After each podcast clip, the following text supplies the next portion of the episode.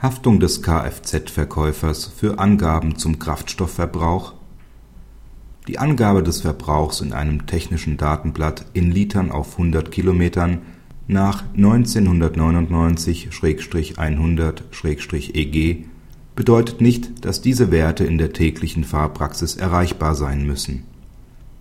Der Kläger verlangt die Rückabwicklung eines Kaufvertrags über ein Neufahrzeug. In den technischen Daten der Betriebsanleitung war der Kraftstoffverbrauch in Litern auf 100 Kilometern nach Richtlinie 1999/100/EG wie folgt angegeben: innerstädtisch 6,6 bis 6,8, außerstädtisch 4,4 bis 4,6, Gesamt 5,2 bis 5,4. Der Kläger hat den tatsächlichen Verbrauch getestet und, weil er höher war den Rücktritt vom Vertrag erklärt. Die Klage wurde vom LG und OLG abgewiesen. Der Rücktritt setzt einen Sachmangel voraus. Dieser liegt vor, wenn das Neufahrzeug bei Gefahrübergang nicht die vereinbarte Beschaffenheit hat. Beschaffenheit ist hierbei mit dem tatsächlichen Zustand der Sache gleichzusetzen.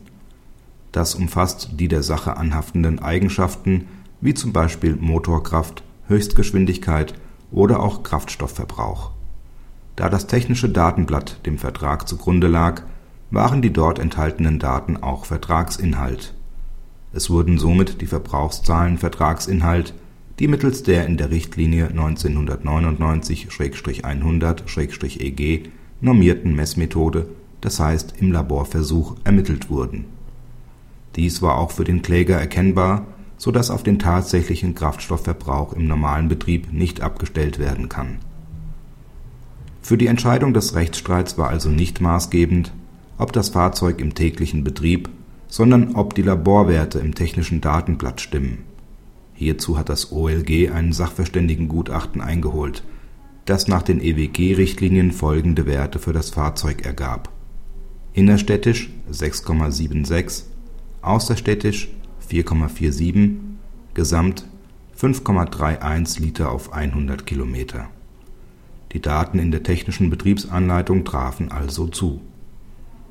Das OLG weist im Folgenden noch darauf hin, dass ein Hinweis auf die Besonderheiten des nach der EG-Richtlinie ermittelten Kraftstoffverbrauchs und die Unterschiede zum Verbrauch in der täglichen Praxis nicht erfolgen muss.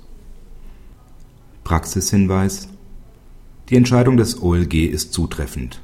Sicherlich begründet ein zu hoher Kraftstoffverbrauch einen Mangel der Kaufsache Hierzu muss allerdings eine gewisse Toleranzgrenze überschritten sein. Im Prozess vor dem OLG ging es aber darum, wie ein Vertragspartner solche Angaben zum Verbrauch nach der EG-Richtlinie versteht.